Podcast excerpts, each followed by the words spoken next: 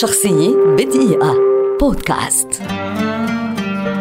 ميخائيل شولوخوف أديب وروائي روسي ولد عام 1905 ويعد واحدا من أبرز الروائيين على مستوى العالم خاصة في الزمن الذي ظهر فيه. بدأ شولوخوف الكتابة في عمر 17 عاما وكان أول كتاب نشره بعنوان حكايات الدون عام 1926 وهو مجموعة قصص قصيرة.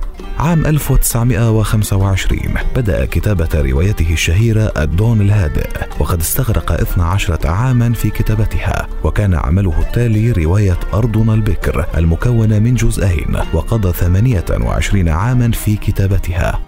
وقد اعتبرت كتابات شولوخوف النموذج الأمثل للواقعية الاشتراكية. حصل شولوخوف على جائزة نوبل في الأدب لسنة 1965 وكانت روايته الفائزة بجائزة نوبل هي رواية الدون الهادئ الذي عربها عمر الدراوي ونشرها دار العلم للملايين.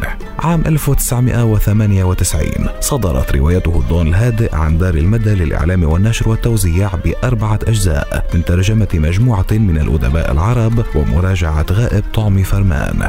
وأعيدت طباعتها مجددا عام 2013 عام 1984 رحل ميخائيل شولوخوف بعد معاناة مع سرطان الحنجرة عن عمر ناهز 78 عاما.